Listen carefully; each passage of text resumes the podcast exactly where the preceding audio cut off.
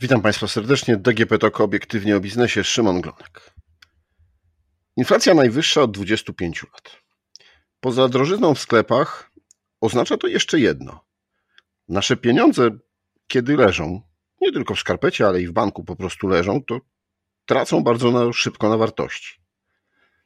A jednak wielu ekonomistów mówi o możliwym kryzysie. Więc co zrobić z naszymi oszczędnościami? Jeśli je oczywiście mamy, bo okazuje się, że co trzeci Polak nie oszczędza, a co czwarty nie ma żadnych oszczędności. No ale to już na inny podcast. A w tym podcaście porozmawiam z Tomkiem Jaroszkiem, autorem bloga Doradca TV. No właśnie, w co inwestować w tych niepewnych czasach. Cześć Tomku, witaj. Halo, halo, cześć. No to tak ogólne pytanie. Ja wiem, że to jest zawsze odpowiedź. Nie da się jednoznacznie powiedzieć, ale no to jest chyba pytanie, które najczęściej pada, jak tylko pojawia się jakiś ekonomista, człowiek związany z rynkiem finansowym albo właśnie bloger finansowy, co oczywiście jest najtrudniejszym pytaniem, bo to nie jest tak, że my w co zainwestować tu i teraz, żeby przeskoczyć inflację. Generalnie y, inwestować to warto zawsze, czyli żebyś to z nami zostało już na stałe. Inwestować z myślą o emeryturze, czy z myślą o przyszłości swoich dzieci, czy po prostu, żeby te nasze pieniądze pracowały. Natomiast ja mam takie wrażenie, że y, bardzo wiele osób y, dosłownie teraz no, przestraszeni inflacją, sytuacją na świecie, stwierdziła, że coś wreszcie z tymi pieniędzmi trzeba zrobić. No i bardzo często jest już za późno na ileś instrumentów, no bo jak sięgamy po obligacje, które tam ym, są w stanie nam zniwelować powiedzmy inflację, no to one super działają pod warunkiem, że je regularnie kupujemy, a nie jak już inflacja jest bardzo wysoka i my dopiero stwierdzamy, że ok, czas się za to zabrać. Więc y, ja chodzę z taką bardzo niepopularną tezą, że wiele osób po prostu z inflacją w tym roku przegra i nie ma co się oszukiwać. Ja wiem, że nikt nie chce tego na głos powiedzieć, szczególnie czy politycy, czy ludzie z sektora finansowego, ale z taką inflacją wygrać jest naprawdę y, bardzo, bardzo trudno. Natomiast warto jest zabezpieczyć swoje finanse jak najbardziej i starać się zniwelować wpływ tej inflacji na swoje oszczędności jak najbardziej. Czyli mówiąc taką piłkarską metaforą, to może być przegrany mecz, ale dobrze by było nie przegrać 0-4, tylko na przykład 3 do 4 i się pokazać z całkiem niezłej strony i wychodzę z tego trochę założenia, żeby te nasze pieniądze pracowały, żeby skorzystać z tego rynku finansowego, może zacząć inwestować z myślą o długim terminie, bo na to jest całkiem ciekawy moment mm, ale żeby mieć świadomość, że tutaj minimalizujemy potencjalne straty, a nie próbujemy pokonać rynek, bo to często wiąże się z bardzo, bardzo dużym ryzykiem, na które większość osób po prostu nie jest gotowa. No tak, Tomek, tylko że mówisz, że dzisiaj, ale przez ostatnie, no właśnie, 25 lat, e, a w Europie to i trochę dłużej, przyzwyczailiśmy się do tego, że pieniądz jest darmowy i nie traci na wartości, no bo ta utrata tam około 1-2% rocznie mogła być niezauważalna praktycznie. No ale no, 25 lat no to jest jedno pokolenie. No i są ludzie na rynku, którzy nagle jejku, jest inflacja moje pieniądze tracą. Yy, jestem młody, mam, nie wiem, 30 lat, 25, 35 nawet. E, I to jest szok. Co zrobić? Co zainwestować? Waluta szaleje. Co chwilę słyszymy yy, o różnych yy, skokach, jeśli chodzi o euro, jeśli chodzi o dolara, jeśli chodzi o franka o giełdzie, no właśnie, chyba jest najsłabsza od ładnych kilku lat. Tutaj popraw mnie, bo ja na co dzień akurat tego nie śledzę, ale ty na pewno. Z tymi obligacjami, tak jak mówisz, trzeba było zacząć wcześniej. Złoto podobno zawsze jest dobrą e, inwestycją. No ale czy dzisiaj już nie jest za późno? Od złota mogę śmiało zacząć, bo ja jestem trochę y, przeciwnikiem złota od wielu, wielu lat, ze względu na to, że ja w swoim portfelu złota zdecydowanie nie trzymam, z racji tego, że ono jest y, zależne od bardzo wielu czynników, ale tak naprawdę nie rozwija się, że tak włożę sobie sztabkę złota do szuflady, wyjmę ją za 20 lat i ona będzie dalej tą samą sztabką złota. Pytanie, jakie będą warunki ekonomiczne na świecie, po ile ktoś chce ode mnie odkupić tę sztabkę. Więc to jest taki instrument, który no, ja nie przepadam za tego typu instrumentami ale w Polsce on jest bardzo rozumiany jako taka odpowiedź na inflację, ale wydaje mi się, że troszeczkę nieświadomie. Wiem, że tu fanom złota się trochę narażam, ale jak złoto liczymy w naszej walucie, to ono sobie całkiem nieźle poradziło w tym roku i widać po wykresach, że faktycznie no, ktoś tam pakował się w to złoto ileś miesięcy temu po 5-6 tysięcy za uncję, teraz jest po około 8 tysięcy. Dużo osób jest jak najbardziej zadowolonych, chociaż już i tak spadek z tych maksów był. Mm, tylko, że y, to nie jest dlatego, że złoto jest takie cudowne w ostatnich miesiącach, tylko to jest w dużej mierze dlatego, co powiedziałeś, że nasza waluta niestety słabnie i te kursy walut szaleją. Więc jeśli spojrzymy na złoto w ujęciu do dolara, czyli ten najważniejszy wykres, bo uncja złota jest zawsze liczona w dolarze, no to złoto już nie jest takim super zabezpieczeniem antyinflacyjnym. Ono u nas dało lepszy efekt ze względu na y, słabą naszą walutę. Więc żeby mieć taką z tyłu głowy, dlaczego coś się w naszym portfelu dzieje, bo my czasami lubimy sobie mitologizować i przypisywać jakieś dodatkowe argumenty do tego, że coś nam w portfelu wyszło czy nie wyszło. To jest tak samo jak y, z funduszami obligacji. Wiele osób, tak jak powiedziałeś, przez wiele lat sytuacja była bez zmian. Więc jeśli przez ostatnich 9 lat stopy procentowe są niskie albo spadają, no to fundusze obligacji, ulubiony instrument wszystkich bankierów, który po prostu jest regularnie sprzedawany polskim klientom od wielu, wielu lat, no to ten instrument zasadniczo co roku wypracowywał jakoś przyzwoitą stopę zwrotu. No i przy niskiej inflacji był całkiem fajnym instrumentem dla bardzo wielu ludzi, no bo jak inflacja jest 2-3%, a instrument mi zrobił 5-6%, no to ogólnie jestem zadowolony, mm, nie, nie ma co kombinować w tym portfelu ale raz na ileś lat faktycznie dochodzi do takiej ekonomicznej sytuacji, kiedy ten fundusz nie może dobrze działać. Dochodzimy do momentu, kiedy mamy zerowe stopy procentowe, w niektórych miejscach na świecie ujemne, i zaczyna nam rosnąć inflacja.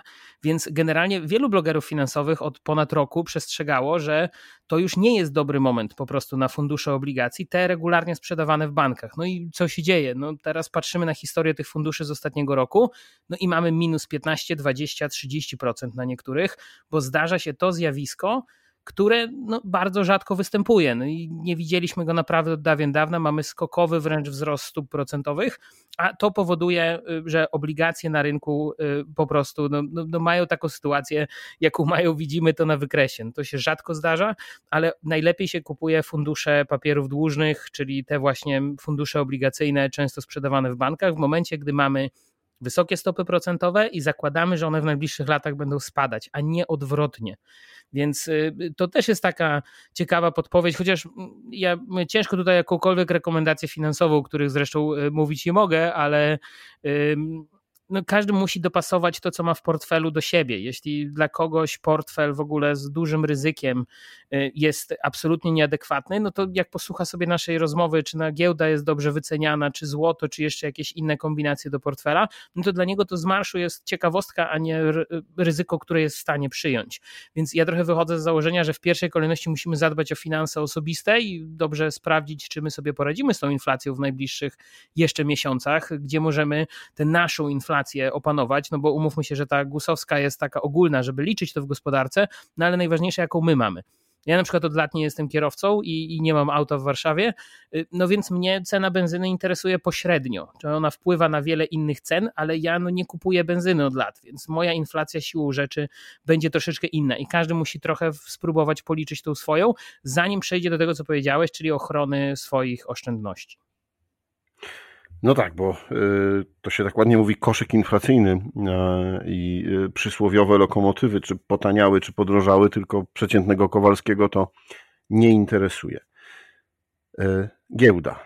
Warszawska Giełda Papierów Wartościowych. To jest ten moment, żeby iść, no, zgodnie ze starym powiedzeniem, kiedy wszystko spada i leci na, na łeb na szyję, to kupować.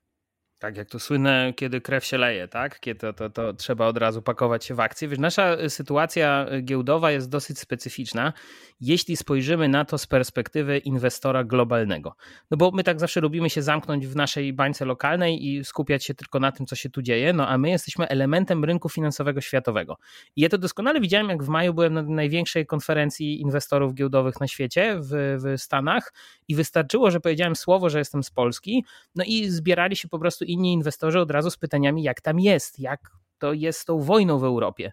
Więc z ich punktu widzenia, z punktu widzenia takiego globalnego inwestora, który gdzieś tam w koszyku ma Europę, Europę środkowo-wschodnią i tak dalej, mm, no to my jesteśmy takim czerwonym punktem na mapie, gdzie jest po prostu bardzo, bardzo wysokie ryzyko. I to doskonale widać, jak zobaczymy na przykład WIG20 w ujęciu dolarowym. Większość polskich inwestorów na niego nie zerka, no bo zarabiamy w złotym, no to patrzymy na y, wykresy, że też tak powiem, w złotym. Ale jakbyśmy spojrzeli na WIG20 w ujęciu dolarowym, no to on przez ostatnie 20 lat pojawił się dwa razy w tym punkcie. Pierwszy to jest szczyt y, paniki pandemicznej w marcu 2020, kiedy wszyscy myśleliśmy, że świat się skończy i będziemy siedzieć w tych domach przez wiele, wiele lat.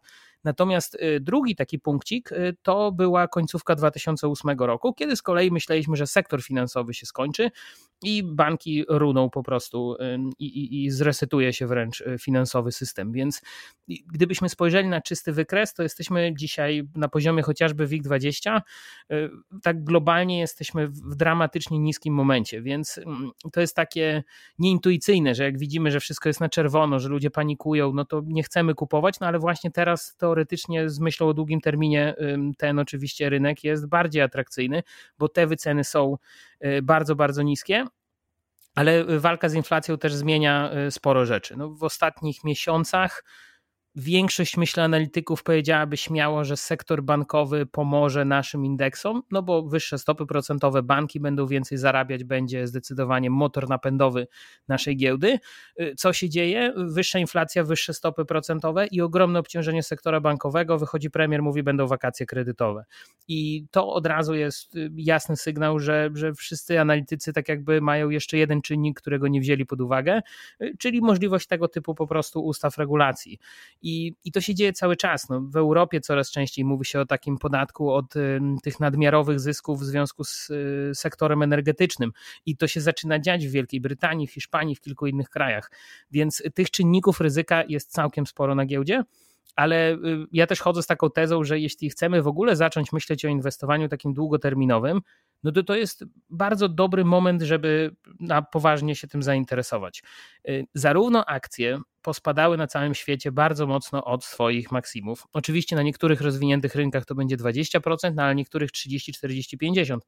Zależy jak szeroko patrzymy na indeksy ale spadły też mocno obligacje. W związku z tym, co powiedziałem wcześniej, czyli tą zmianą, y, że doszły stopy procentowe do zera i później zaczęły rosnąć.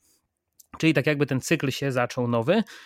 I to jest o tyle ciekawa sytuacja, że ostatni raz mieliśmy coś takiego w ujęciu globalnym w latach 70. I większość portfeli na świecie, takich pasywnych, skonstruowana z koszyka akcji i obligacji, no właśnie tak działa, że jak gorszy rok mają akcje, to z reguły dają radę obligacje i one są tak odwrotnie skorelowane.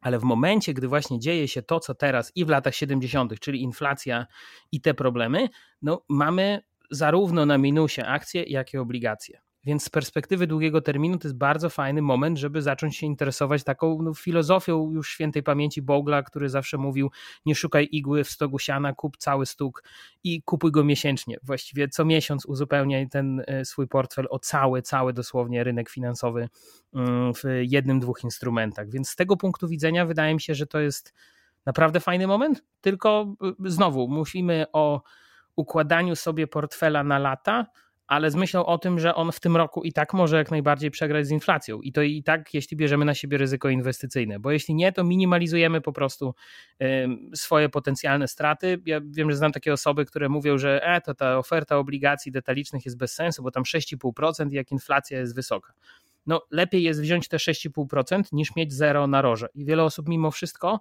po prostu nie chce wykonać tego kroku, żeby gdzieś przesunąć te pieniądze. Więc no ta dobra lokata w banku czy te dobre obligacje to jest zminimalizowanie wpływu inflacji i lepsze to niż nic w tym przypadku. E, dla tych, którzy teraz zaczynają, dla tych, którzy myślą o tym, mm, no właśnie, co to oznacza inwestowanie długoterminowe. Co to oznacza na lata? To oznacza na 2 lata, na 5 lat, na 20 lat? No właśnie, w Polsce to jest y, ten problem, że jak słyszymy długi termin, to y, zerkamy na strony banków i jest lokata dwuletnia w ramach tych długiego, tego najbardziej długiego terminu, jaki jest dostępny. I to jest poważny problem, bo jak ja mówię długi termin, to liczę w dekadach. I my nie jesteśmy do tego przyzwyczajeni z racji, że nasza giełda jest młodsza ode mnie, więc co tu się dziwić, że nie stworzył nam się kapitał wielopokoleniowy. Ja też często zadaję na konferencjach y, giełdowych to pytanie, kogo nauczyli rodzice inwestować, prawie nikt nie podnosi ręki, a później się pytam, kto nauczy swoje dzieci inwestować i prawie wszyscy podnoszą rękę.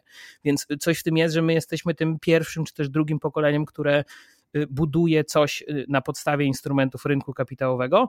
I też trzeba to sobie śmiało powiedzieć, że jeśli myślimy dzisiaj o budowaniu tego majątku, no to myślimy o tym z myślą 20-30 latach. Y, wiem, że to oczywiście nikogo nie przekonuje, bo każdy chciałby szybko zarobić, no ale tak jakby jeśli mówimy o portfelach długoterminowych, które kupują szerokie rynki i spokojnie wykonujemy tych 12 przelewów w roku, czyli co miesiąc sobie coś uśredniamy, no to jak najbardziej mówimy o takich portfelach, bo jeśli mówimy o tych krótkoterminowych zyskach, że ktoś naprawdę chce, no teraz się słyszymy w wakacje, że ktoś chce do końca roku zarobić ileś tam, no to po prostu wchodzi na no, rynek spekulacyjny.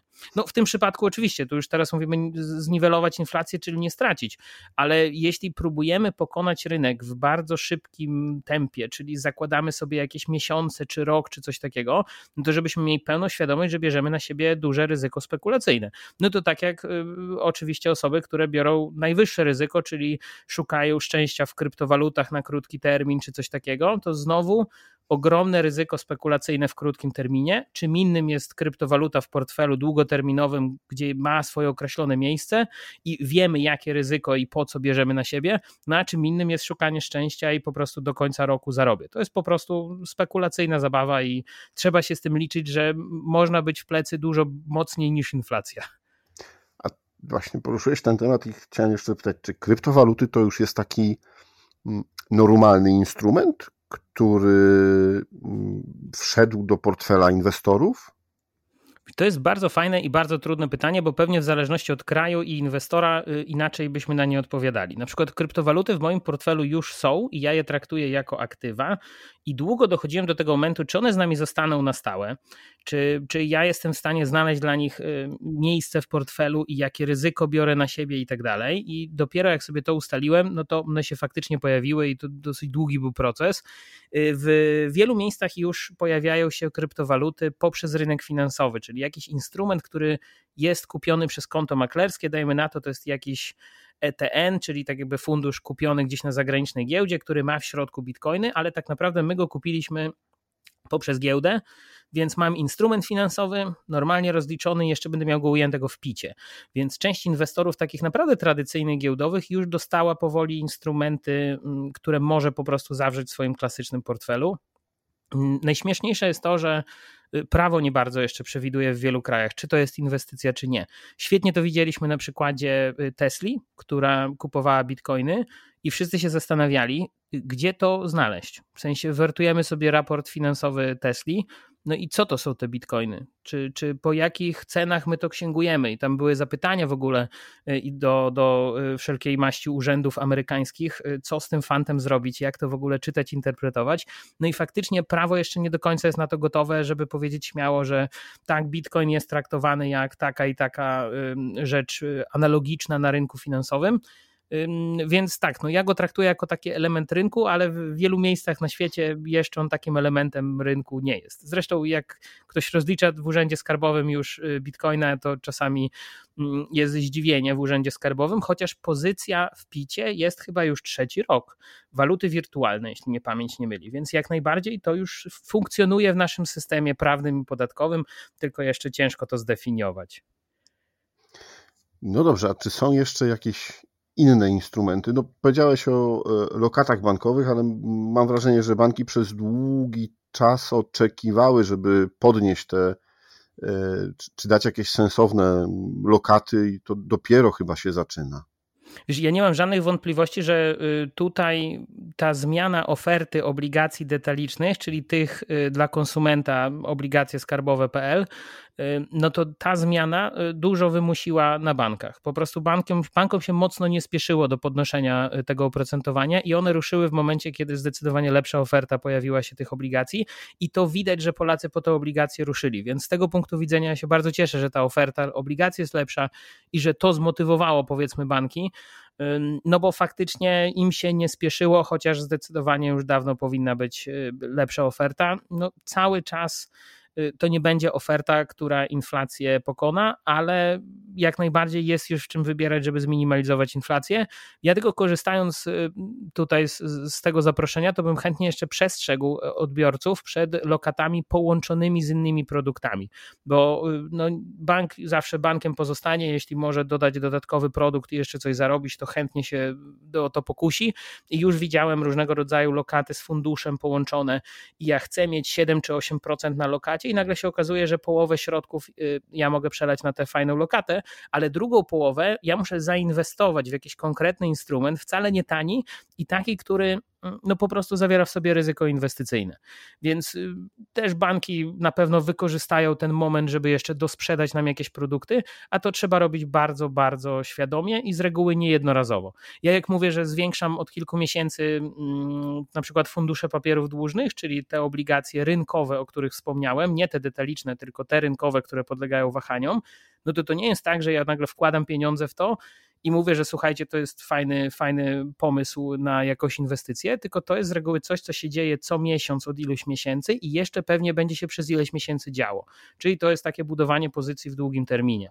No, trzeba sobie też jasno powiedzieć, że tak jak z inflacją jest bardzo ciężko wygrać, tak trafienie w dołki i szczyty na rynkach finansowych to jest raczej szczęście, przypadek, a nie nasze jakieś super umiejętności. Każdemu jak długo inwestuje, to się zdarzyło trafić w górkę czy dołek, ale przypisywanie sobie swoim super umiejętnościom tego to, to raczej byłaby przesada.